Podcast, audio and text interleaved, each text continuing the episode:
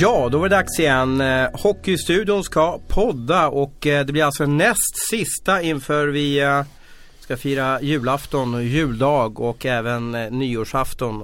Och Hans Abrahamsson, du får fira nyårsafton igen långt borta från din familj. Ja Thomas, det är åttonde året i rad nu tror jag va. Så det blir Buffalo i år och jag tror det var sen match för, för Tre Kronor, juniorkronorna där också. Så att det blir nog inte mycket firande den här gången heller. Du har, dina barn börjar bli lite äldre nu. Hur, hur säger de när pappa åker iväg där över den här storhelgen? Ja, de hade nog helst velat att jag var hemma men äh, de är ganska De är hyfsat schysst med mig där och, och, och liksom håller inom sig tror jag ganska mycket för de tycker nog att det är ganska jobbigt att jag åker men äh, de, eh, de vet att jag tycker det är ännu jobbigare så därför är de lite schysst och äh, inte säger att de längtar för mycket. Min, mina döttrar, eller i alla fall min yngsta dotter då brukar smyga in en liten lapp i min väska. En liten sån här gullig kärleksförklaring som man när man öppnar väskan sen var man nu kommer fram till Sochi, Vancouver eller, eller var det någonstans så ser man den här lappen då när man får en, en liten hälsning från sitt barn. Det är lite svårt att inte gråta då. Ja, den skulle vara jobbig tror jag, men de gjorde det på mig så jag hoppas att de inte, inte gör det. Jag har ju mitt örngott med istället Thomas, du vet ju. Ja, just det, du har egen kudde med. Lite roligt när du ja, ska åka iväg. Ja, Snyggt. Ja.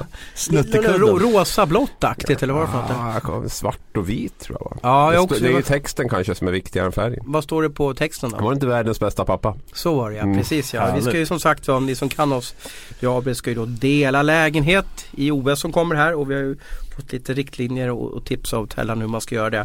Och hotellquiz för dig är precis annorlunda för att du har gått från att vara liksom aktiv under jul och nyår till att få vara helledig. Ja, jag får vara hemma hela julen. Det är första gången på jag vet inte hur länge faktiskt. Det ska bli riktigt skönt och man behöver inte planera för den här annandagsmatchen som vi spelare kanske inte tycker är världens roligaste men Ni gör inte det alltså? För den går ju hem i stugorna ja, så det är mycket folk. folk. Folk vill gärna gå på de här matcherna. Så visst är det kul att det kommer mycket folk men jag skulle nog vilja skjuta det Som spelare så vill man nog skjuta det någon dag till 27-28 kanske i alla fall Kan du inte dra en julljumske och säga ah, men jag kan inte träna eller det går inte? Det finns det nog de som gör det definitivt men jag hade för mycket karaktär och tyckte att jag svek mina, mina lagkamrater för mycket om jag skulle göra en sån grej hur har julafton varit där? Liksom, hur, hur mycket har du liksom varit tvungen att styrt upp eh, med mat och dryck kanske också sådär med, med tanke på att ni har spelat annandagen? Ju äldre man vart desto mer rutinerad vart man ju så man, man kunde liksom eh, kunde förhandla bort den där annandagsmatchen lite grann, lite snyggt. Eh, och mm -hmm. jag, mhm. tror, jag tror att eh, tränare och målvaktstränare och alltihopa var, var så ganska man, snälla. Man slängde in Junisen alltså där i mål då eller? Ja, oftast så vart det ju så. Den som hade äldst, eh, spelat mest säsonger slapp ofta. Så jag tror att vi kommer se många a, så kallade andra målvakter på de, på de dagarna. Om det inte är en superviktig match. Det låter som att det blir Viktor Andrén kanske i Växjö som står i den matchen då. Ja, jag skulle inte vara förvånad om det blev så. Aha, en liten anekdot i alla fall. Uh, vi har tre ämnen som vi vill avhandla i, i podden plus en liten bonusgrej uh, från Tellans karriär borta i Nordamerika eller om det blir Finland eller KHL, det får vi se på slutet. Men det som har fascinerat mig under helgen det är att Per Lidin äntligen fått en, en ny klubb eller i alla fall en, en tryout och han är just nu 39 år Per. Han fyller 40 nästa år och Abris, hur kommer det gå för honom? Han kommer nog att spela en eh, viktig roll tror jag i Karlskrona där. Eh, kanske inte på isen så mycket men jag tror att han kan vara viktig med sitt sätt att vara, sin energi, sitt liksom brinn för hockeyn och, och liksom titta med unga och titta på den 39-åringen. Jag skulle kunna tänka mig att han tränar en 14-15 timmar om dygnet nu de här dagarna. Liksom, bara se det liksom, att han är så jävla tacksam och glad att han får spela SHL-hockey igen. Det kan nog vara en bra veckaklocka för många som åker runt och tar för givet att man, att man för alltid kommer att spela SHL-hockey. Men vi ska ju ha klart på, på vad det handlar om. Alltså, det är en tryout. Ja. Knappt en tryout. Han ska träna med laget måndag till torsdag. Och, eh, skulle du underkasta dig och åka på en tryout när du är 39 år? Och liksom bevisa eller visa för någon vad du kan? Ja varför inte? Han har ju uppenbarligen så himla driv vad som gäller kring hockeyn liksom. Han vill fortfarande spela så då, då, gör man ju nog allt för att hålla sig kvar. Och jag tycker det är häftigt att, att se att man har det här passionen för hockeyn. Mm. Och jag är lite inne som, på, som Abris sa här också, liksom, jag, jag, tror inte att han kommer ha så stor roll på isen utan det handlar om utanför, hur man bygger ett lag, hur, hur man tränar för att nå framgång. Det känns ju lite som att det är lite ursäkta uttrycket, men mellanmjölk nere där med, när det kommer till ledarskap och, och sådana grejer. Så att jag tror Per kommer att ha en viktig roll i det där. Så att jag, eh, för en gångs skull så tycker jag att Karlskrona har faktiskt gjort ett jättebra val. Att man tar in en sån spelare som, som kan visa de yngre vad, vad det är som krävs eh, för, för att nå och spela på den här höga nivån. Kän, känns väl också som man har väldigt lite att förlora Karlskrona på, på mm. att göra det här försöket. Mm. Dels att man har det på en tryout och sen jag menar, jag tror inte att han är vansinnigt dyr nu heller längre. Hans eh, löneanspråk har nog sjunkit också i takt med att inte han har, har fått några intressanta erbjudanden. Nej, det är säkert bara, han vill inte ha några utgifter i stort sett. Ska jag tänka mig till att börja med. Jag hade ju inte accepterat en tryout om jag var honom. Jag hade ju mer eh, eh, sagt till klubbarna, jag är övertygad om att han kan få en, ett kontrakt i Allsvenskan. Ja, vill ni ha mig då får ni ta mig direkt, inte en tryout för att, för att eh, ni vet vad jag kan. För att egentligen kan han inte bara misslyckas med tryouten. Nej det tycker jag väl inte och jag menar, någonstans säger jag också det jag vill säga mot dig där är väl att det är ju, det är ju utbud och efterfrågan som styr mycket där. Det är klart att Per Ledin i den bästa av världar för sin egen del hade sagt det du har sagt men tydligen är, har ju inte intresset varit tillräckligt stort för att han ska kunna ställa de kraven då. Och tydligen är han ju väldigt sugen att spela SHL mm. snarare än allsvenskan. Kanske passar bättre in i SHL också. Med. Och, eh, så att då, då var nog det här enda alternativet som fanns just nu och jag tycker inte att han har allt att förlora. Jag vet inte vilka förväntningar man ska ha på Per Ledin. Det känns som att går han in där och och, och hjälper Karlskrona att lyfta lite mentalt så, så mer ska man nog inte förvänta sig att han ska göra. Så jag tycker inte det är en så jättehög fallhöjd för honom heller. Jag tycker det är skönt att se någon som kliver in och som verkligen inte vill ha pengar från början utan han vill dit och leverera och sen kanske han får kontrakt. Jag tycker det är uppfriskande. Det är ju eh, vår vän Ove Molin som är head coach för, för Karlskrona. Uh, jag har ju sett dem några gånger i år och, och då spelar ju en ganska defensiv hockey. Det vill säga forecheckar inte så högt upp och, och backar hem ganska mycket. Jag kan ju tycka att det, det är en hockey som inte passar Per Ledin. Ja men 39-årige Per Ledin så, så kan jag nog eh, Det går fort där ute om man ska, om man ska ligga på rulle och, och få checka hela tiden också. Så jag tror nog tvärtom att det kan, kan passa honom ganska bra. Att det finns en avvägning i spelet. Nu är inte Karlskrona så att man backar hem hela tiden utan man varierar lite mellan att backa hem och sätta press. Så det tror jag nog definitivt kan, kan passa Per Ledin 39 år. Men är det rimligt att tro då? Ni, ni är alltså lika gamla du och, och, och Per Tellan. Mm. Kan man som 39-åring bara spela ett måste dubbelkolla om det var 12 eller 14, 14 matcher. matcher 14 matcher i, i fjol i, i Schweiz. Och då var det några matcher i högsta ligan och sen var han utlånad några matcher där. Är det verkligen rimligt att tro att man som 39-åring, som forward också, det är skillnad som målvakt. För du är lite rutin, du, du behöver inte vara lika Man står ju bara där, eller hur? Ja, typ ja. man står ju bara där Nu kom det, klassiska Man står ju bara där Nej men forward är ju den jobbigaste positionen, alltså ja, rent ja. rörelsemässigt på, på en hockeyplan Går det verkligen att spela sig in när man ska fylla 40 år och några månader i SHL? Ja men det är klart det gör det. Men, grejen... men säg en 40, nämn, nämn en 40-årig forward som gjort det bra ifrån sig i SHL. Ja, nu sätter mig på botten direkt. Nej men jag tror att det är väldigt svårt att nämna någon. Ja, nej men vi har, vi har väl några som har spelat upp till 38-39 år där i alla fall och gjort det bra. Janne Larsson vet jag spelar länge i mm. Brynäs där och Masken sådär. spelar länge också. Masken spelar länge också. Mm. men det var en annan typ av hockey då? Absolut, det är jättestor skillnad på hockey. Som du säger, det är något år tuffare att vara forward kontra mm, framförallt back, även målvakt mm. tror jag. Jag, alltså jag tränade ju bättre på slutet av min karriär än vad jag gjorde i början av min karriär till exempel. Mm. Men var med... du bättre som målvakt på slutet då? Ja, om, man, om man går tillbaka och tittar på gamla filmer och kollar på, på nya så tycker jag nog att jag var det. Rent tekniskt och, och, mentalt och hela, hela biten så tycker jag nog att man var det. Så att det här med, med, med att träna är inte bara någonting för, för yngre spelare utan ofta så tar det lite tid innan man förstår vad som krävs också. Mm. Vad det är som hur mycket tid man måste lägga ner för att kunna orka spela. I början så kör man ju lite grann för att man liksom tycker att det är kul och, och sådana grejer. Så att, nej, jag, jag, tycker det är skithäftigt att han liksom vill fortfarande hålla på.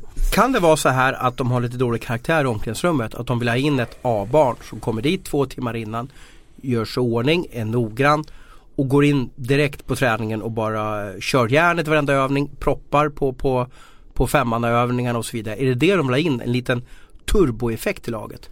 Definitivt någon som går runt och klappar folk på benskydden och, och, och styr och ställer och blir det något mer sån här utlägg som det var som vi pratade om förra veckan med, med Dick Axelsson och så grejer så kanske han ställer sig upp och tycker att det här är inte okej okay, liksom. Vågar han göra det i ett nytt omklädningsrum? Han har ju ingenting att förlora.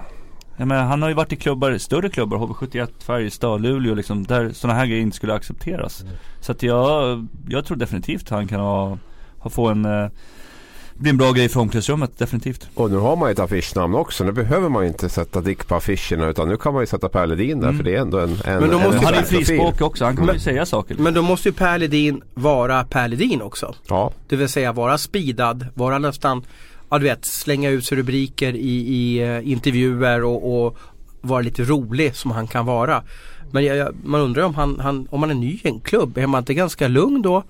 Och liksom zonar av, hur funkar allting? Berättar Men du många... känner väl Per Ledin? Han Ja, kan inte vara lugn, han är inte lugn någonstans. Han är som en Jimmy Ölvestad på gånger hundra liksom. Han kör ju nonstop dygnet runt liksom. Men eh, vad tror ni då Tellan? Får han kontrakt med Karlskrona? Kommer han när vi gör nästa program här, kommer han tituleras som Karlskrona-spelare då? Det är däremot svårt, svårt att säga. Men jag jag, vill jag, ha ett ja eller nej vill jag ha. Ja men då säger jag ja, för att jag tror att de behöver en ty- sån typ av ledare i omklädningsrummet. Just för ledaregenskaperna alltså. Yes. Och kan du utveckla det? Alltså hur, vad, hur, vad ska han tillföra? De har ju ändå Guter, Kolan, alltså det finns ju en del rutinerade killar där. Prins. Mm. mm. Men de behöver lite extra hjälp tror jag. De behöver få in lite Lite folk som driver gruppen inte, det kan ju bli rätt tröttsamt om man har samma människor hela tiden. Får man in en injektion i gruppen så kan det bli att de andra lite äldre tänder till också liksom. Att fan Per är här först liksom, två timmar innan alla andra liksom. Då måste jag också göra det. Så blir det en snöbollseffekt och så helt plötsligt så är alla där två timmar innan de kör. Abris, vad tror du? Ja eller nej? ja jag tror att han blir kvar. Okej. Definitivt. Eh, jag, jag är också inne på det där att eh, jag tror att hans sätt att vara, att det är det man är ute efter ganska mycket. Karlskrona för mig känns ju ganska lagom sådär. Liksom. Och Per Ledin är ju allt annat än lagom. Utan han är ju den här lilla turbon som kommer in där. Och framförallt det jag var inne på den här glädjen över att få spela hockey. Som man många gånger kanske tar för givet i, när man är 25 eller 27 eller 32. Den, den tror jag kan smitta av sig på andra också. Att, att verkligen liksom göra det där extra. Ta det extra lyftet, ta den extra träningen efter ordinarie isträning, göra de grejerna. Det tror jag kan, eh, kan betyda mycket för dem. Och jag tror att det är till 90 procent tror jag det är därför de tar in honom. Jag tror att eh, hockeymässigt så tror jag att de hade kunnat hitta motsvarande spelare eh, ganska enkelt som var betydligt yngre. Det måste jag säga. Alltså rent hantverksmässigt på Och sen är det isen. gratis också, det får man inte glömma bort också. Det är ju liksom, det är det också med, en av grejerna också med Karlskrona också. De får in någonting, en injektion, Mm i stort sett gratis. Tror ni, jag, jag tror också, jag, jag har avkrävt ert svar här, ja eller nej. Eh, och jag säger som kvällstidningsmänniska så, så hoppas jag, eller säger ja, klart de ska värva Per Ledin för att det kommer bli en injektion till, till eh, som vi pratade om här tidigare. Eh, men jag tror inte att han har de kvaliteterna idag att spela i SHL med den snabbheten som krävs där ute. Jag tror inte han är tillräckligt alert eller spänstig på, på, på rören för att ta en plats i SHL. Eh, jag skulle bli väldigt förvånad om han gjorde det. Jag tror ju att han fortfarande absolut kan spela en tredje eller fjärde kedja och, och göra en 10 8, 10, 12 minuter per match. Det, det tror jag faktiskt att han fixar. Men vi ska nog inte förvänta oss att Men varför ska... tar inte Luleå in honom då?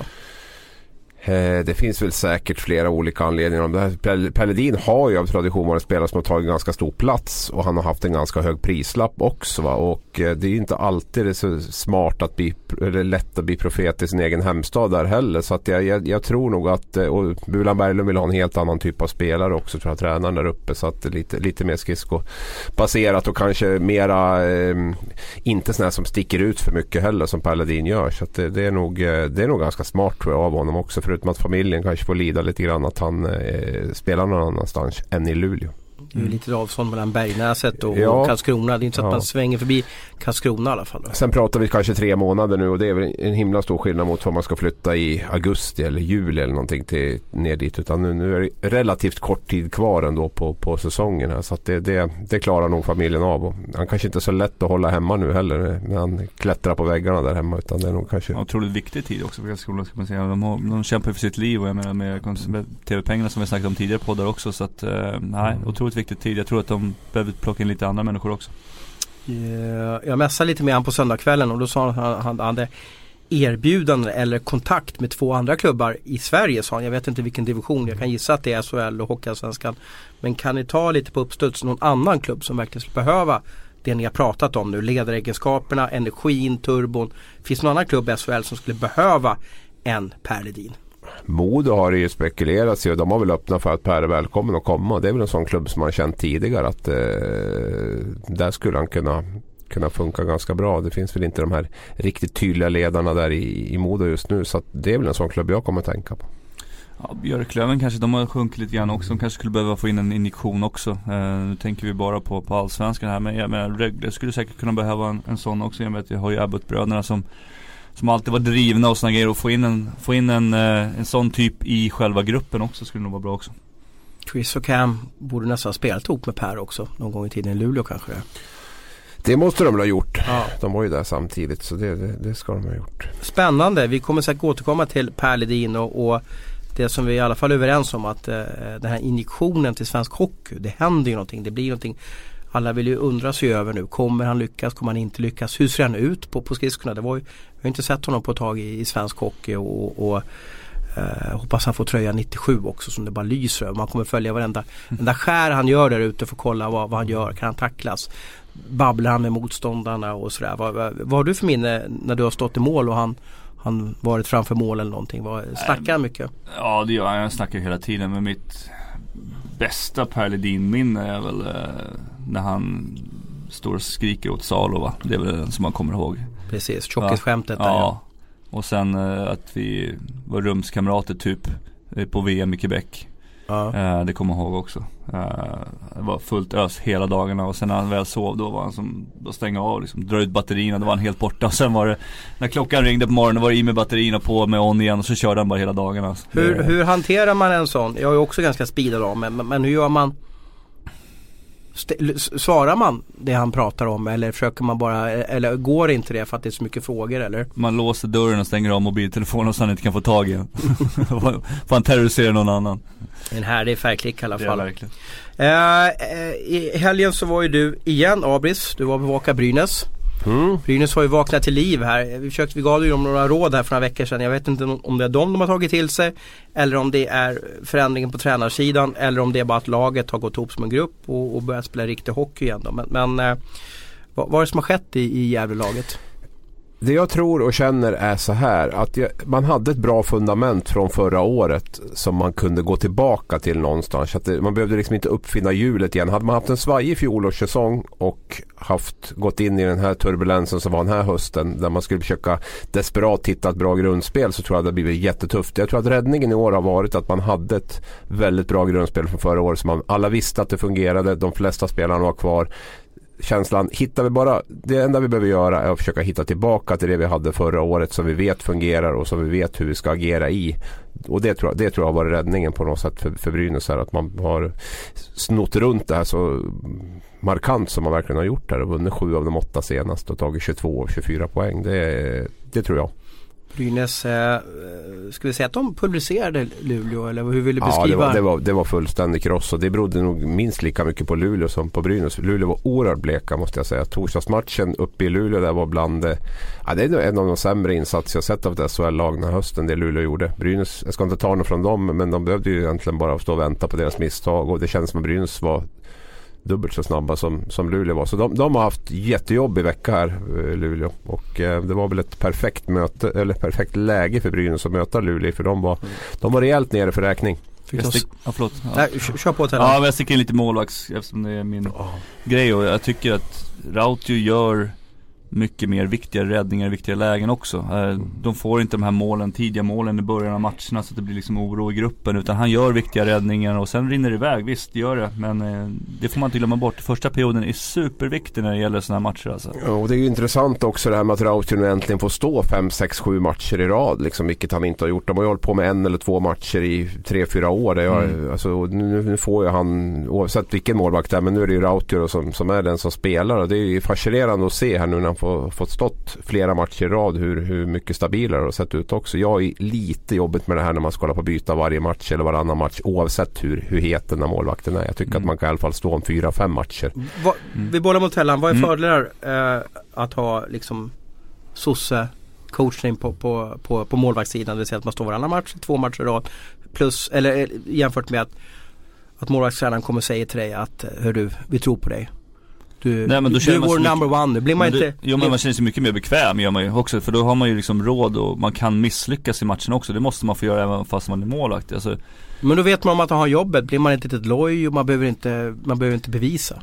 Nej, det gör, alltså, du har ju alltid, du ska ju alltid bevisa för dig själv vad du vill i din karriär och vad, hur du vill framstå utåt också. Så att det, det tycker jag inte. Men problemet är att kanske i Sverige att man vill liksom vara alla till lags. Att man liksom vill inte bli någon diskussion mellan målvakterna. För målvaktssidan är jättekänslig. Man vill liksom målvaktsdiskussioner och, och sådana grejer. Att man har två bra målvakter. Jag tycker man ska sätta ut en, en första målvakt. Du spelar som Abel säger tre, fyra matcher och sen får den andra komma in. Och sen gör han en bra match då får han spela två. Men sen ska man tillbaka till första målvakten igen.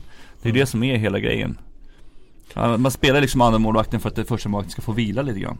Ja, alltså tänk dig själv som utespelare. Tänk att gå in och göra tre poäng i en match och så gör du fyra poäng i matchen efter. Sju poäng på två matcher och så ska du vila nästa match. Alltså det är ju fullständigt mm. absurt tycker jag. Sen tycker jag att man behöver ha två målvakter under en säsong som ändå är hyfsat igång båda två. Men det här att hålla på och, och, och byta efter en eller så två Så var det aldrig förr. Nej, absolut inte. Så var det ju inte. första. Då kunde man ju alltid namnge första keeparna Mål, Målvaktsspelet är ju helt annorlunda. Sliter mycket mer och slutspelen är mycket längre och allting. Så jag är helt för att man har två målvakter som är igång. Men jag tycker inte att det behöver vara en 50-50 fördelning där hela tiden. Jag tycker att det ska vara och framförallt spela de målvakter som är heta. Låt dem ha förtroende i fyra, fem matcher i alla fall innan, de, innan vi byter ut dem om de spelar bra. Men målvaktsspel är ju mycket med timing och känsla och sådana ja. grejer också. Det är inte bara liksom så att jag menar, Kommer du in och har lite skön känsla då, då vill du ju fortsätta på det liksom. Ja. Då vill du inte sitta en vecka igen. Nu går du tillbaka på noll så att eh, jag håller fullständigt med här. Men varför vi pratar om Brynäs här också, vi ska komma in på eh, efter matchen Brynäs-Luleå så vart det diskussion om Kevin Clark och, och varför då avbröts du som där och glodde och gjorde sylvassa vinklar och en eh, förträfflig tyckare om, om Dakells vepa uppe taket där. Vad, vad tvingades du fokusera på efter matchen? Ja, det där är ju en fascinerande diskussion som vi kan ta upp sen också. Vad, vad som ska vara huvudfokus efter en sån där match där Brynäs har tagit 22 av 24 poäng och man har Dakells tröja i taket och rubriken blir och mycket på, folk på matchen. Mycket folk på matchen och det var väl en av de bättre stämningarna man varit med om på, på länge där. Men eh, Fokus blir ju, rubriken blir ju på Clarks filmning där och eh, Wikegårds utspel i Simor där och den diskussionen kanske vi ska ta en annan gång hur, hur, hur vi hamnar där. Men, men eh, oavsett så så är det ju närkamp mellan Isak Lundeström och Kevin Clark där eh, Lundeströms klubba är uppe vid eh, huvudhöjd på Clark som är ganska liten och ganska låg i åkningen också. Så att, eh, men det som händer är ju att Clark tydligt visar att han får en, en klubba i munnen då av, av Lundeström och eh, reaktionen kommer ju långt efter när, när klubban är där första gången också. Så det, det, är ju som jag ser det en solklar filmning. Mm, och vad blev utgången av det här? Vart en filmning? Lundeström fick två minuter och Clark vart helt utan. Så att, um, ja. Ready to pop the question? The jewelers at BlueNile.com have got sparkle down to a science with beautiful lab-grown diamonds worthy of your most brilliant moments. Their lab-grown diamonds are independently graded and guaranteed identical to natural diamonds, and they're ready to ship to your door. Go to Bluenile.com and use promo code LISTEN to get $50 off your purchase of $500 or more. That's code LISTEN at Bluenile.com for $50 off. Bluenile.com code LISTEN. Tellan, har du filmat någon gång? Uh, inte på det där sättet. Man kanske har hjälpt till någon gång, har man nog gjort, när man har fått en pååkning eller någonting. Det ska jag väl villigt erkänna men uh, det, det, blir ju lite så. Jag menar, vi hade Dick Axelsson senast här uppe när han fick en klubba i munnen. Hade han slängt sig så hade han definitivt fått en utvisning med sig. Nu väljer han att stå upp och då missar domaren det. Så att det är ju liksom jag har ju lite svårt med det här med filmningar. Så jag tycker det är liksom det, det, Men vad är skillnaden mellan att förstärka och filma? Förstärka blir ju liksom, då har ju ändå blivit pååkt på något sätt. Filmning blir ju liksom att du ska tillkalla domarens uppmärksamhet på ett helt annat sätt liksom. uh, När klubban kommer upp, så, som de gör rätt ofta och uh, Nej, jag, jag är jättesvårt för det här för jag tycker inte liksom det tillhör inte hockeyn. Det har aldrig gjort det på något sätt och vis. Utan hockeyn har varit så här jag ska inte säga gentlemansport men på så vis har det ändå varit det liksom. Man slänger inte och kastar sig i hockey liksom. Det, det tillhör andra sporter. Min känsla i det här också är ju att börjar man släppa på det här så är det väldigt lätt att eskalera. Att det blir, alltså mm. att det mm. blir väldigt accepterat och blir ännu vanligare. Och någonstans måste vi ju ställa oss frågan tidigt här vad, vad, om vi vill ha det här uppträdandet. Och jag kan ju också tycka att man, man sätter ju domarna i en så taskig situation som har ett världens svåraste jobb. Och sen går man in på att fuska och lura domaren att jag har fått en smäll. Ett redan, redan svårt jobb då. Och sen ska domarna stå där och se jäkligt dumma ut när, när det vevas i repris på jumbotronen och alla 14 ser. 14 HD-kameror ser ja, varenda millimeter Så jag tycker det är liksom med respekt också på någonstans mot, mot domarna också. Dels mot motståndarna, det egna laget men också mot domarna. Jag, man kan tycka att det låter skitnödigt att hålla på liksom vara moralpolis i det här med filmningar. Men jag, jag kan tycka att det är, det är för dåligt. Det kan hända. Men någonstans måste man också säga att det är inte okej okay. från, från ledarhåll kan jag tycka. Att det här, det här uppträdandet vill vi inte ha. Mm. Sen behöver man kanske inte, det kan man väl ta internt med killen. Men man ska definitivt inte gå ut och försvara det han har gjort och säga att det händer hela tiden. Utan då säger man jag kommer att ta det här med Kevin öga för öga och, och prata med honom. Det Men var det en filmning? Kan vi slå fast om det? Alla bilder jag har vart, sett. Vart han inte rädd av att det här, den här klubban och hockeyklubbor 2017 är nästan som sylvassa Jo men reaktionen, De är väldigt tunna för sent. Och får man dem ett snitt i ansiktet så blir det, man blir inte direkt snygg till julafton då. Hade reaktionen kommit direkt när klubban var uppe där så hade jag köpt det, det resonemanget. Men nu kommer ju reaktionen mellan de två gångerna som klubbbladet är där uppe. Helt onaturligt i mitt sätt att se det att, att det är något som skrämmer honom där. Utan han tar, han tar en chansning där och lägger sig. Det, eller hukar ner sig. Pratade du med domaren efteråt? Pratade inte med domaren efteråt, det gjorde jag inte. Pratade Nej. med Clark efteråt. Tyckte de att kom, kom Hockeysverige fram till att det här skulle inte varit en, en utvisning? Eh, jag tror att Hockey-Sverige är väldigt överens om att det inte skulle ha varit någon utvisning. Möjligtvis, man kan absolut ta, klubban ska inte vara där, det kan vi väl säga. Men då skulle definitivt även Clark ha, ha eh, åkt ut två minuter för, mm. för, för filmning i så fall. För visst, man kan väl absolut säga att Lundeströms klubba inte ska vara där uppe. Det, det har man väl allt stöd för i, i, regelboken. Och att man tar två minuter för hög klubba på honom, det, det kan man väl köpa.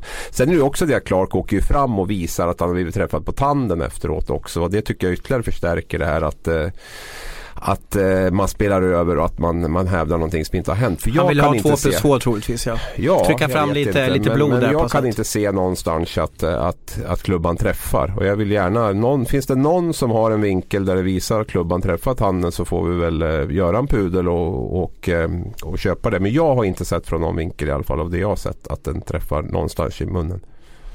Ja, vad, vad, sa, vad sa Clark själv då? Alltså, Nej, han, han var irriterad. Han tyckte det var jättejobbigt att hålla på och svara på frågor om det efter 6-0. Han är ju nordamerikan också. Det brukar ja, vara strength and honor. Ja, det brukar vara att man ska uppträda korrekt. Jo. jo. Nej men han tyckte väl om han hade vunnit med 6-0 och 12-1 på två matcher där och så ska han behöva stå och prata om eh, en eventuell filmning. Det tyckte han, var, tyckte han var rätt jobbigt. Sen är ju Clark en sån spelare som han vill ju vinna och han vill ju ha mål till varje pris. Han är ganska extrem så. Så att han, han eh, är nog beredd att, att gå ganska långt för att, för att äh, laget och han själv ska tjäna på saker och ting. Det tror jag. Under 17, 18, 19 år Tellan så stod du i mål. Eh, och du hade spelare framför som du ville flytta. Antingen med klubban eller med moten. Eh, eller du hade backar som flyttade på dem. Eh, hur har du känt att, att utespelare framför dig har nyttjat det här förstärkning eller, eller, filmning för att få fördel? Jag har faktiskt inte upplevt det som ett problem för de sista, sista åren faktiskt. Eh, som, det har, som det har märkts mer och mer liksom. Just det här när det varit mycket press på domarna i media. Då känns det som att det här har blivit mer och mer liksom. Bara för att man sätter extra mycket press. För man vet att domarna är lite känsliga och de kanske tar lite knäppa utvisningar lite då och då som inte borde varit utvisningar. Så jag tror att, jag tror att det har med, med det, med det att göra också. Att man utnyttjar situationen lite grann faktiskt. Och jag menar som vi snackade om här, jag tycker också att eh, tränaren Tränaren ska inte gå ut och säga någonting heller för jag tycker att det, det skickar lite signaler om vad, vad Brynäs som organisation står någonstans också faktiskt. Mm. Jag, jag, tycker att Jag tycker man ska sköta det internt Man ska prata med killen och sen om de tycker att det är okej okay i Brynäs så får de väl göra så men kanske inte lägga ut det på Twitter. Ja, det var alltså då efter matchen, jag vet inte om det var sent efteråt så Så lade Brynäs, eh, han är headcoach nu, Tommy Sjödin la ut på sociala medier. Vad, vad då för något Abris? Eh, Tommy la ut en tweet där han eh, tycker att eh, det Clark gjorde det händer i stort sett i varje match och att det är en naturlig reaktion när klubban härjar runt ansiktet att man reagerar. Tycker inte om rubrikerna som man får skrev han då. Han, han hävdar ju att jag ser en hel del SHL-matcher och den typen av filmningar som Clark gör tycker jag inte är speciellt vanliga under matcher. Nu ska jag inte säga att jag ser alla men, men det, det tycker jag inte så där håller jag inte med honom. Och jag, eh, vad, vad, känner du Tellan kring, kring att tränaren går ut efter matchen? Nej jag tycker inte det. Sådana grejer ska skötas internt. Sen på sätt och vis kan jag tycka det är skönt att han står upp för sin egen spelare men samtidigt kan man göra det på helt olika sätt tycker jag. Eh, det skickar lite signaler om vad Brynäs står i den här frågan också. När en huvudtränare går ut också. Att han, att han tycker det i stort sett är, är okej okay att filma.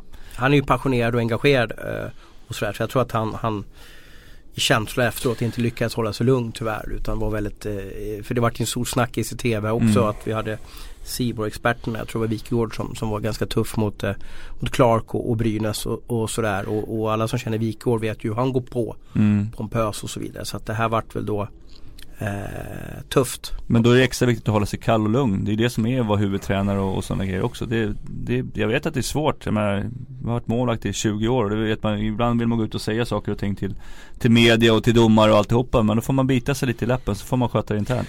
Det här är en klassisk konflikt också skulle jag vilja säga som huvudtränare. Man har, det här har vi haft med tacklingar jättemycket förut. Vi har en spelare som gör någonting som blir bespottad av hela Hockeysverige oavsett om det är en tackling eller filmning. Någonstans finns det ju där att tränaren vill försvara sin egen spelare mot det här drevet lite grann som, som, som Vilket går. är okej okay, tycker Vilket jag. är okej, okay, Mm. absolut. Och det är det jag menar. Men någonstans där måste man hitta en balans i det. För jag tycker att det här med tacklingarna gick ju över till att även egna tränare kunde säga att det var en ful tackling att man fördömer händelsen men att man ändå tar hand om personen. Och det är lite grann samma sak tycker jag med Clark. Att man, någonstans måste man ju som, ska vi få stopp på filmningar och vi inte vill ha filmningar.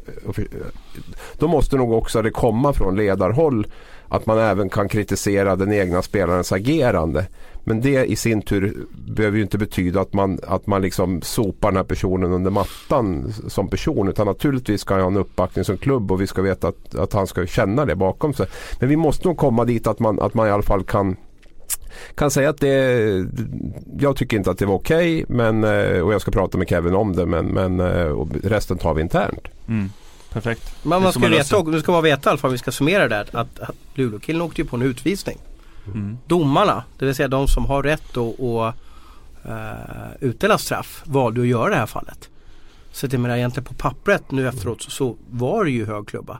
Något annat kan vi ju egentligen inte säga. Det skulle, göra, det skulle vara om domarna går ut och uttala sig att vi gjorde fel i alla fall. Domarna upplevde ju då, jag kan inte exakt högklubba regeln om det räcker med att vara millimeter ifrån om det är högklubba eller om du måste träffa för att det ska bli högklubba. Ja, jag är faktiskt osäker. Klubban ska det inte vara. Du kan nog säkert ta ut utan att den träffar där uppe. Nu, nu kan och inte det måste han kanske ha varit också. På jo, ja, men vi sa ju det också. Att det, det är ju inte så, alltså, två minuter hög klubba på Lundeström hade säkert inte varit fel. Men då måste man nog också straffa Clark i det fallet. Och nu kommer, och det är också förtydliga det igen för det måste man alltid göra. Att nu handlar det om Kevin Clark, förra gången var det Daniel Rahimi och Einar Emanuelsson. Alltså, det här handlar ju inte om personerna i sig utan det handlar ju om, om själva fenomenet när det gäller tacklingar eller filmningar eller vad, vad det än är. Va? Vi är inte ute efter att hänga just Kevin Mm. Clark så känner jag. Men, men, men nu är det han som, som blir Kanske exemplet. måste gå in och kolla på sådana grejer efter matcherna också om det är några sådana grejer. Jag är, och förvånad, jag är förvånad och där tror jag liksom att jag tror att det är så nu utan att veta hundra att nu är det mer att man ringer upp och ger en första varning innan man delar ut S- SHL gör. SHL, domarbaser, Rönnmark här, till wake up call till. Han har säkert kontaktat Clark och sagt det att det där var inte okej. Nästa gång det händer får du böter. För man tyckte nog att det här med böter var väldigt jobbigt, förnedrande för spelarna på något sätt. eh, Att få det, är, det inte, är, är det inte mer liksom. jobbigt att få samtal från SHL att du, du filmar inte? Nej det tror jag inte. Det blir ju inte offentligt. Det är ju, alltså, när de här filmerna kom ut och vi, liksom, vi skrev om det att nu har han straffats med 10 000 för att han har filmat och sådär. Det är väl mycket jobbigare tror jag än, än att, eh, att Rönnmark ringer och säger det. Att, eh, att det där är inte okej. Men det, så tror jag att SHL har, har agerat i det här fallet. För Holecek fick ju förra året tror jag, eller det två år Ja, sedan. två år sedan tror jag så fick han, ett eh, par. ja, på, på, inom en månad. Jag vill ju påstå att, att målvakten är den position som kanske har lättast att filma. Och det, det är inte för att vara tuff eller elak så att säga. är det. Nej men ni, det. ni har ju så mycket folk ja, det, men ni har ju så mycket folk nära er. Och får ni en liten putt, ja men då blir det avblåsning och sen blir det kanske tekning. det Oftast kan det se ut som vi ramlar väldigt lätt men grejen är att man, man står nu skulle man vilja vara på TV här, men man har väldigt mycket tryck på tårna så det lutar framåt väldigt alltså. mycket framåt och får Ja. en smäll på hälen då Så är det lätt att du tappar balans och det ser jättekonstigt ut och det ser ut som att man är Bambi på hal is men Mm. du är så fokuserad på och pucken och, och har liksom tyngdpunkten på helt fel och någon bara puttar till dig lite grann så blir det liksom en jättegrej för du räknar inte med att bli påkörd som målvakt och då blir det, det ser värre ut än vad det egentligen är. Sen finns det vissa målvakter som slänger sig som vi var inne på här tidigare. Mer än andra, så är det ju. Men eh, det en liten smäll gör att det kan se jättekonstigt ut för målvakten. Så är det. Det är ju speciellt också för att genomskåda de det, att, att man slänger sig ner, lägger sig ner och inte blåser av.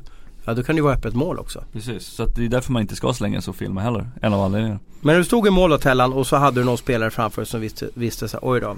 Ja, kommer jag röra honom så kommer han vara som en döende svan eller lägga sig ner platt som, som en groda nu, hur, hur nu en groda lägger sig platt. Fanns det så att du, oj här vågar inte jag slå honom med, med, med klubban på, på vaderna för då kommer han, han kommer dö där i alla fall.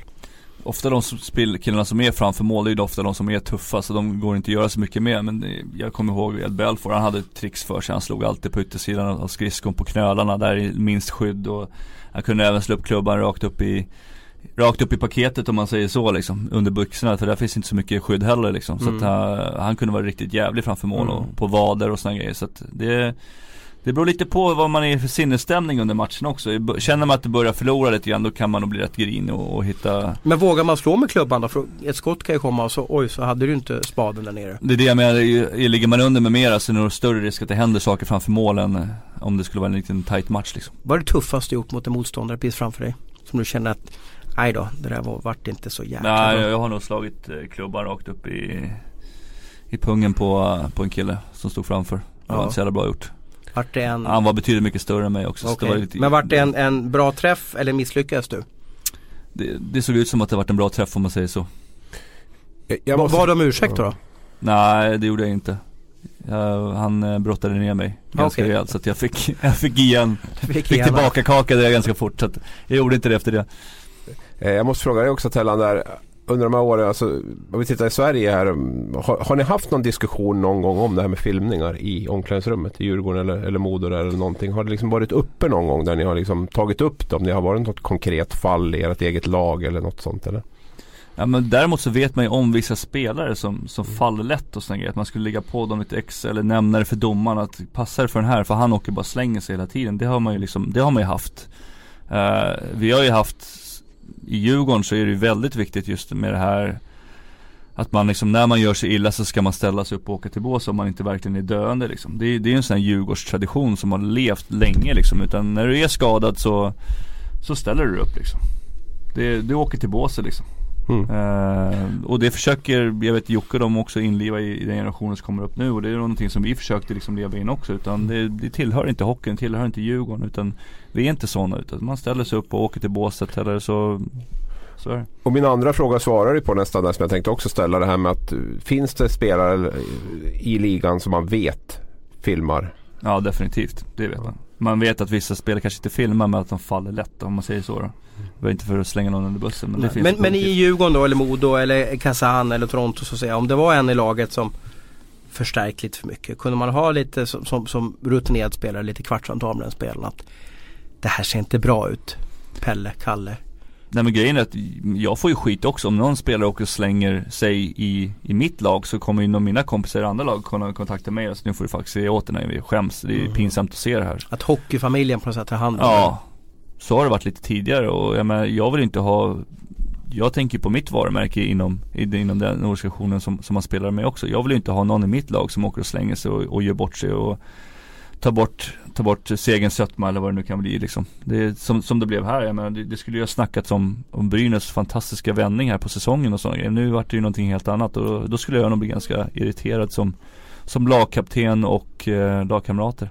Vad, vad tycker du värst då? Vi pratar ju om vad, hur man får bort filmningar. Eh, tidigare har vi haft böter. Nu har vi att en SHL-representant ringer upp den eventuella filmaren då. Som for, förmodligen uts, utses då av situationsrummet då, som, Mm. som kommer fram till att det här såg inte snyggt ut. Vi behöver gå vidare med det här. Vad hade du tyckt var värst Tellan? Böter på 5 000 eller 10 000? Eh, en avstängning från hockeyn? Eller att du får ett samtal från en representant från ligan? Jag tror den här stämpeln om att, att man är filmare Den här böten eller den här avstängningen man får är nog, den är nog värre För att man får höra det från ståplats. Ja men att det liksom blir som, som avigt, det blir offentligt liksom Man åker runt som att man är liksom, man är, blir dömd på något sätt och vis liksom Och då vet ju alla om det och så kommer man åka ut på isen så kommer någon säga någonting till till en själv eller om man säger till domarna, ja där åker den där filmaren liksom eller vad som helst, passar det för han liksom Mm. Så jag menar det här kommer ju inte gynna Clark i nästa match Men jag menar, han är ju lite dömd också, Ja. fast han inte fått böter eller ett samtal. Han är ju dömd av folkdomstolen som finns där ute på, på menar, sociala Domarna är medier. ju inte dum, dumma de heller. De kommer ju liksom sen nästa gång det kommer en hög klubba på, på han så kommer de ju tänka efter en eller två gånger. Definitivt. Abris, eh, är det 20 år bevakat svensk hockey nu? Ja. ja, är det så länge? Ja, det, du, är 20, du är väl uppe i 20 Jag tror inte jag har nått dit än. Eller? Jag har väl, man har väl levt i den här hockeyfamiljen i 40 år i alla fall. Okej, vi på tar ett eller 40 annat år och det är så underbart nu att jag får programledare här så jag är så glad att jag inte behöver svara på den här frågan. Vem tycker du är svensk hockeys största filmare genom tiderna? Ja, Och säg inte, säg inte såhär oj jag måste fundera utan jag vill ha Du får några, Ja, men har några- vi något solklart val där då? Det, alltså, det är inte att jag slingrar men hade jag haft någon där så hade jag naturligtvis kastat upp det på en gång. En som, en som fick väldigt mycket kritik som jag kommer på spontant nu det är ju Per Ahlbrandt. Han fick ju en hel del kritik för att han, för att han la sig, la sig lätt. Eh, något som gjorde honom oerhört irriterad och Mm. Och frustrerad. vår vän som vi pratade om tidigare, Per Ledin fick ju också lite skit för det att han förstärkte mycket. Mm. Jo absolut, och det finns väl Men på uppstuds, det är sådana här gånger man skulle önska att du var lite strukturerad och bara liksom skicka hem det här lite innan så där så man kunde Men tänka Hodacek men- var ju faktiskt Hodacek var en, Julius. Var ju Ja. faktiskt Han blev ju dömd alla flera Ja, gånger. flera vet jag inte om han, fick, Han- fick någon dom på sig riktigt där. Det var varje gång man var i närheten och kändes som att han ramlade ihop Ja, jag har för mig att Starkbaum höll på att ramla rätt Ja, mycket när han var i Brynäs ja, också va. mm. Eh, mycket- Men det är målvakter, målvakter. Det är målvakter Ja. som Thomas Tes där. Det, den, Ja, den lever vidare. jag Vi kan får en känsla att direkt om- Alsenfelt hade någon riktig sån Om det är någon som blåser säsongen. på en så ska man ramla baklänges och sådär. Och, och om du säger det Tellan också att du står med all jäkla kraft fram. Mm. Hur kan du ramla bakåt så lätt då så att säga? Då står du, ska du ju ramla framåt. Ja men du tar ju Du klipper ju benen bakåt. Det blir ju liksom så att du liksom Okej, så att du, du, det, det är en sund reaktion att ramla bakåt. Ja Men jag, För Julius tappade jag, ju jag hjälmen säger, Ja jag vet, jag och, säger och stöten och klubban och... Nu har ni ju vittnen här så nu känner jag liksom att jag in, målar in mig här i hörnan definitivt väldigt mycket när jag tar målvakter försvar innan men eh, nej jag får nog De två målvakterna håller jag med om faktiskt. De var ju riktigt mycket filmare båda två. De gillade att slänga sig i alla fall på ett eller annat sätt. Mm. De är inte kvar i svensk hockey i alla fall då. Men det är bra. Du klarar hyfsat i alla fall svar. Ahlbrandt, eh, ja vi får kolla upp hur det var där men, men eh, kanske lyssnar nu också. Han har ju blivit en stor mediamänniska på ett spelbolag där så att han har nog koll på vad som sägs där. Hoppas du inte blir allt för tjuriga på oss Albrandt. Nästa ämne, en annan stor grej som har hänt under Ja, eh, torsdag, fredag förra veckan kan vi väl säga och jag tror att pressmeddelandet kom i, i lördags morse. Det är då att eh, Rögle-karaktären, backen, inte busen men, men tuffingen. Eh, busen kan man ju inte säga längre, jag tror att man har 4, 5, 6 minuter, utvisningsminuter i år. Alben Bibic ledsnade ihop lite i Rögle och, och eh, blev lite tradad, borttradad. In, inte, jo, han blev borttradad till Linköping mot att Linköping eh, tar stora delar av lönen och, och Rögle tar lite av hans lön på återstående del av kontrakten. Och hur ser vi på den här traden då Abris? Det var ju du som avslöjade nyheten för övrigt att, att eh, Linköping tar över kontraktet.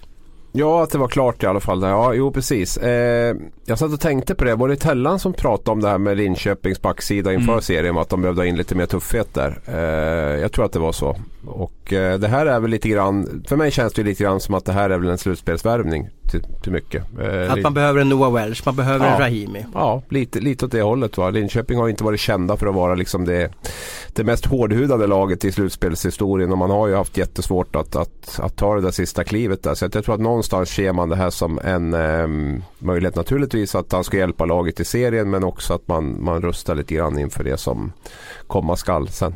Det blir ju det här mentala spelet som vi pratade om i förra podden. Just att man vet att han är på isen och då kanske man är lite extra försiktig och kanske inte vågar vara lika tuff framför målet. Och, så ja, han ska, jag menar, det kommer inte vara någon jätteskillnad på Linköpings lag så, mer än att han kommer vara som en polis liksom. han, Man vet att han är på isen, då får man passa sig lite grann. Så Sen- jag tycker det är också en bra värvning. Sen blir det väl intressant att se om man tänker behålla alla de backar man har nu. Det, det, det, det är väl också en fråga om, om Bibi Chim betyder att någon annan åker ut där.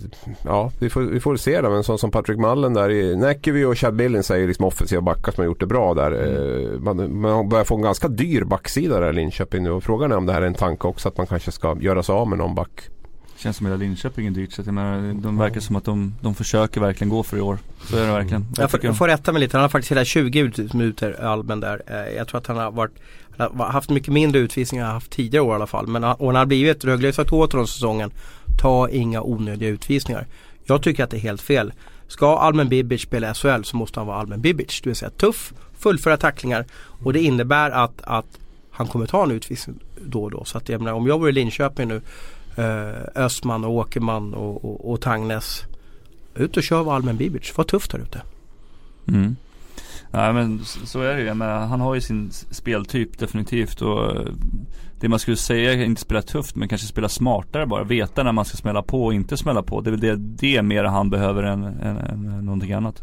Gör Rögle rätt då? De verkar ha påbörjat någon typ av reset eller en, en, en en recycling av laget. Eh, Fairchild eh, i frysboxen. Eh, Almen hamnade också lite i frysboxen eftersom de sa åt honom att du tillhör inte laget under lång sikt. Eh, och han själv kanske kände att det här var inte lika roligt som, som när han eh, var under Eldebrink eller, eller, eller masken och så vidare. Va? Liksom, gör man rätt att peta bort spelare? Jag tycker det är rätt schysst mot spelarna också att, att tala om liksom att du ingår inte i våra planer för framtiden. För då kan man börja söka sig efter en ny klubb istället för att sitta resten av säsongen och inte spela alls. Men nu får han ju chansen att komma till en klubb som troligtvis kommer gå ganska långt i slutspelet. Så att jag tycker att Abbots är även schyssta mot eh, Bibic här också. Talar om hur det är. Alltså det, du kan flytta på det för du kommer inte spela här. Så då får jag en chans att, att få, eh, få ett nytt kontrakt inför nästa år.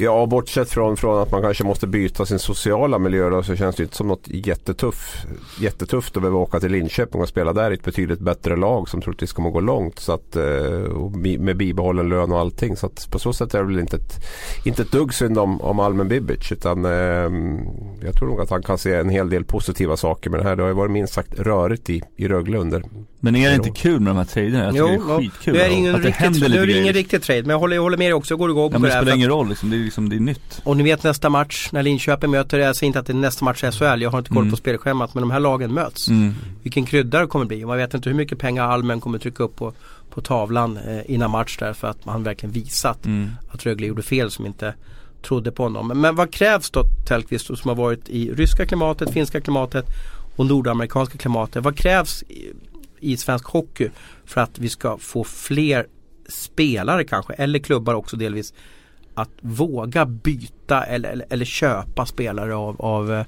eh, motståndarklubbar. Jag, jag tror att man är lite rädd för att den här personen ska komma in och sen göra liksom Göra så bra ifrån sig i den andra klubben så att det liksom till slut ser ut som att den här sportchefen som signar från början ser ut som en idiot eller någonting liksom. Jag tror att det är någonstans där vi, vi hamnar, att man är lite rädd för att den ska komma tillbaka och, och skada sig den, den klubben man kommer ifrån. Men jag menar det blir ju så här. ibland så blir det fel när man signar folk och det är väl ganska bra för jag menar klubbarna har ju sett den här personen ganska länge under på, på, på tvn eller när man mött dem eh, på arenan eller vad det kan vara. Så att jag menar, jag, jag tycker att det är spännande och bra och jag menar det är mycket möjligt att, jag menar att man har haft samma intresse för samma spelare när säsongen har börjat. Då kanske man säger, ja men här kanske skulle passa bättre i vår miljö än vad det gjort andra också. Så att, men, det är väl inga problem att, att plocka över spelare. Jag tycker det är jättespännande och jag skulle vilja se ännu mer Mer trader mellan, mellan klubbarna där man märker att spelaren har fastnat liksom. Att man inte får ut det utlopp för, för spelare. Och gör man inte det, petar man inte bort en spelare för att, för att alla i laget ska, oj då, skärper jag mig inte, ge inte järnet så, så, så kan jag bli bortbytt. Mm. Ja, men det är ju lite så i Sverige. Du sitter där på, på 100% på, på din lön vilket fall som helst. Så att jag, menar, jag, jag tycker också att det ställer lite mer krav på, på spelarna. Jag menar, det är ju inga jätteavstånd i Sverige heller. Om man skulle behöva flytta Nej. också. Jag menar, Vi har ju ett annat arbetsklimat också och lite annat regelsystem. I, i NHL, där du var många år Tellqvist, så är du på något sätt ägd av ligan. mm, Och så spelar du i den klubb där, där, där eh, dina chefer typ tycker att du ska spela och där man kommer överens om här tillhör du. Så det är ett lite annat upplägg på, på, på systemet här ja, i det, Sverige. är- det är ju ett nummer på en tröja på ett helt annat sätt liksom, än vad det är i Sverige. Liksom. När du var i Nordamerika någon gång, är det du som har tagit initiativ någon gång till att byta klubb? Har du sagt att nej jag har kört fast, jag måste vidare, jag, jag, jag måste göra något nytt? Nej men det, det vart väl lite så kanske i, i, i Toronto när vi hade tre målvakter också på, på envägskontrakt vilket betyder alltså NHL-kontrakt. Så att eh, jag förstod väl någonstans att jag skulle bli bortbytt. Eh, och min agent frågade ju vad som, vad som hände och vi letade klubbar och, och sådana grejer. Så visst, eh, visst var det så men eh, nej. Nej jag har aldrig begärt att bli tradad liksom. Jag har aldrig begärt att bli bortbytt. Men jag Men man får en att känsla att det kan ligga Ja, fall. att man märker ju när man är liksom tredje målvakt också. Det är ju ganska, då är man ganska långt bort från line-upen liksom. Det krävs att två spelare ska gå sönder innan man får spela. Mm. Har du någon mer sån där uh, trade eller, eller om du ser på SHL som det ser ut idag, ser du något så här klockrent att man ska kunna flytta en spelare till en annan klubb och det ska slå väldigt väl ut för, för båda klubbarna, Abris? Oj, Tellan. Hjälp mig. Ta Ja, vi, först, bra, vi pratar om eh. Hjalmarsson kanske. Skulle behöva komma bort från Frölunda till någon, till någon klubb. Där skrev de en nyligen nytt kontrakt också. Det verkar som att han har liksom gillar den här gnuggarrollen och, och Frölunda tycker Mm. också om den där. Så att, men, Men, men, han skulle vilja se i någon mm, annan klubb. mm. liksom. Tony Mårtensson då som har kört fast i Linköping? Mm. Vad skulle han Eller är det lite, är, liksom dieselmotorn kanske slut där? Ja det ska ju vara om, om, om eh, någon Växjö eller någonting behöver någon extra, alltså ta in någon extra spelare så här, bara för att bredda ännu mer. Det, då skulle jag se det kunna hända någonting. Eller kanske typ Malmö eller någonting sånt. Men eh, jag, tror, jag tror inte Tony är intresserad av det heller faktiskt. Han trivs nog ganska bra just nu. finns ju väldigt mycket utväxling. Jag bara tänker på liksom Bergfors förra året, Mm. Juuso Ikonen förra året där Mm. också. Och, och även den här säsongen har de ju, har de gjort det bra. Va? Så att det, det finns ju mycket att hämta i det som du är inne på Thomas. Att man kan Ja, verkligen ja, väcka har spelare till liv. Emil Pettersson. Ja. Herregud, kanske Ja. det som Ja. Mm. gav att Elias Pettersson gick till Växjö. Att, att, att Emil fick igång på Växjö som, som vann SHL till slut och, och inte kanske gjorde bra sig i slutspelet va? men en lyckad trade det kan jag ju säga bara, det kan ju vara jeho för alla parter. Och det kan ju bli billigare för den klubben som plockar upp ofta. Ofta så gör man ju någon typ deal att den gamla klubben ska stå för en viss del av lönen när man plockar över. Så jag menar det, är- det är ju ko- kostnadsmässigt så är det jättebra också. Plus att den nya klubben då kan plocka in någonting nytt också. Så det är ju Jag- också en grej som är Ja, intressant. och jag tänker på en sån spelare som nu har jag fått fundera lite grann. Men sån som Libor, Libor Hudacek där då. Eh, som ryktas vara på väg bort från Örebro. Jag skrev att han var på väg bort redan inför den här säsongen. Inte riktigt Sundblads eh, typ av, av spelare på det sättet att han, ja. Men det är ju en oerhört bra poängspelare, potential offensivt. Han skulle man ju gärna se in, i, eh, i någon annan, kanske ett topplag faktiskt skulle jag vilja se Libor Nu har ändå gjort 12 poäng på 20 matcher. Mm, jo, men eh, det finns lite annat än poängen där som, som inte riktigt kemin stämmer med, med tränaren om jag förstått det rätt. Skulle inte han passa bra i HV? Ja, ett sånt lag. Ja, Absolut. skulle jag kunna se. Så Ja. gör man någon typ av trade och går någon lite tuffare spelare åt andra hållet som Sundblad säkert vill ha liksom. Mm. Lite mer gnuggare. Ja, nej men HV är ett sånt lag. Och vem ska Kanske, HV skicka kanske tillbaka? Frölunda. Vem ska HV skicka tillbaka då? Har du någon som känner att om vi ska göra en riktig trade här liksom då? Ja, de behöver ju ha, de behöver i och för sig ha en del karaktärsspelare kvar där också för de har ju Ganska mycket skador också som vanligt. Ja, och lite, lite den typen av lag också. Jag vet inte. Bill Sweat har ju det tufft där nere. Nu vet inte jag om han riktigt är Sundblads likör heller om jag ska vara helt ärlig. han har ju men- speed som är fantastisk som alla han. borde tycka ja. om. Och eh, så att ja. De borde ligga ungefär samma i lön också eller? Ja, känns väl lite, lite grann så att de borde ligga där någonstans. Det känns det absolut som. Så att, Det eh, vore ju spännande. En spelare går åt andra hållet och andra kommer ja, det vore Ja. ju Ja. Men just den här Mm. utvecklingen som har varit. De spel, tre spelare vi nämnde där. Vi tog bara de tre som vi kom på nu med Emil och uh, Ikonen och uh, Bergfors är ju, gör ju att det här är jäkligt lockande. Jag kommer ihåg den som var för några år sedan också. Dick Axelsson. Eh, när Djurgården sa åt honom att du, eh, vi, vi, vi behöver göra någonting. Eh, Mm. Du kanske inte ska vara med i Djurgården resten av säsongen. Mm. Och gick till Färjestad. Ja, Peter Nordström tog han under sina armar där, Ja. under sina Mm. vingar där heter det. Och det va, var så där. fullständig Men Nu pratar vi succé. om Mm. sju, åtta år sedan. Ja precis, men jag minns så rätt alltså. Mm. Dick Axelsson var ju liksom ett framtidsnamn i Djurgården. Det var kanske det laget, eller den killen som skulle bära dem i många år va. Mm. Och så skickade till till Färjestad och jag tror det eh, att, han, var- att de vann SM-guld första året där med, med Färjestad också. Så att ni, ni ser, det finns ju, eh, vågar man chansa och alla är överens om det så kan det slå väl ut. Nu slog det inte kanske riktigt så väl ut för, för Djurgården. De åkte väl ut något år senare och det har väl kanske ingenting med Dick att göra men, men, men våga, våga trada, våga köpa nya spelare i alla fall så kan det bli riktigt roligt. Ta upp telefonen i alla fall och ring och prova. Man, jag tror att man är orolig för det, för det sprids ju snabbt också. Va? Nu Mm. kom ju Libo-ryktet, har ju stått i media.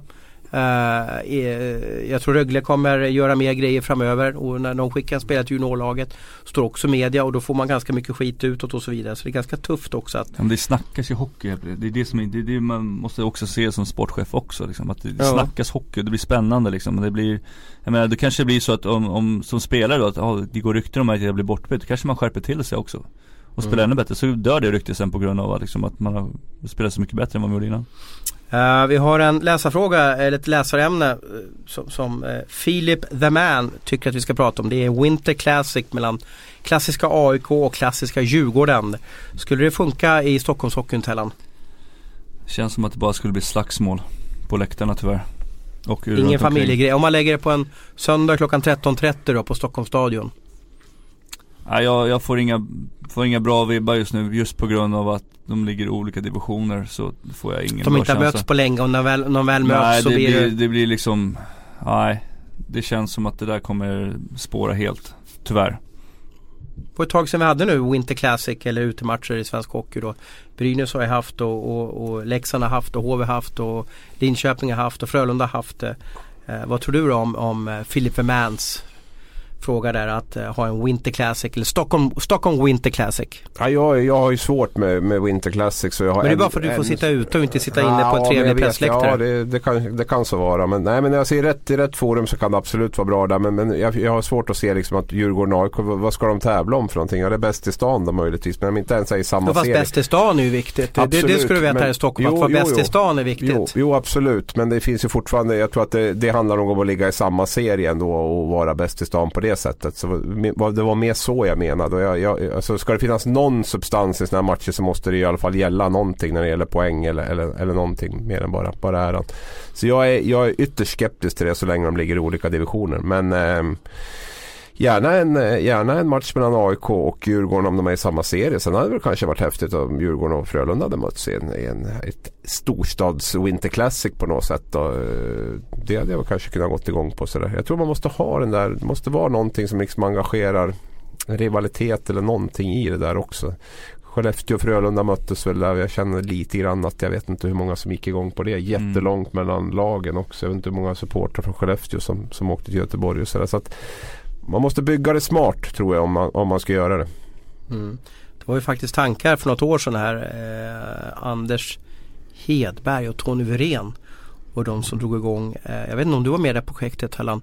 De, de frågade ju gamla NHL-spelare. Jag vet att Garpenlöv, Mattias Nordström, jag tror Sudden var med också. Eh, och så skulle man först då, det var en, en plan med två delar. Först så skulle man köpa en ambulerande ismaskin som skulle åka runt och, och spola eh, isytor i, i Stockholmsområdet för att få fler att spela spontanhockey.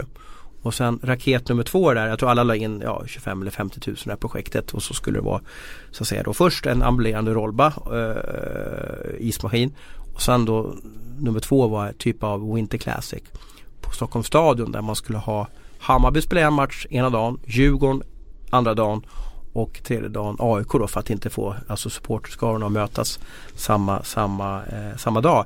Du ser väldigt frågande ut så det här är Mm. ingenting som du känner igen till? Nej, det här har jag inte fått förfrågan över. Tror du Eh, att det skulle funka då?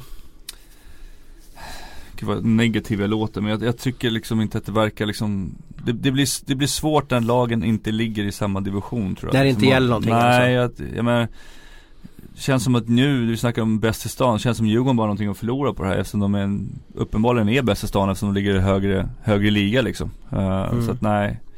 nej jag, jag köper inte hela grejen tyvärr, eh, än så länge. Men däremot som, som Abel säger, ligger man i samma division så vore det ju jättekul. Mm. Jag har förstått att man har diskuterat att ha det på Tele2 Alltså att eh, det vill säga AIK skulle möta Leksand ute eller att när Djurgården och Leksand spelar samma serie att man skulle ha någon typ av match. Men det är inte så jäkla lätt att göra isytor på de här konvexa fotbollsplanerna. En Nej. fotbollsplan är alltså då lite, lite svårt nu i radio här men den är lite rundad. Så skulle du göra en isyta på det här tar det oerhört lång tid och ganska dyr också så att då kanske det är lättare att hitta bara en grusplätt. Göra som i Helsingfors, en grusplätt och sen bygga upp Mm. läktare Ja men en som du sa, för jag vet, det hörde jag också sista åren vi spelade, att vi skulle möta Leksand liksom. Undrar om det inte skulle varit till och med i år. Men Jag tror de hade några möten ja, där men att Nu åkte de Tele2 ur liksom. Ja det var svårt också på Tele2 att få till det liksom Mm. hela med, med att det blir väldigt dyrt allting då. Mm, men det hade varit häftigt.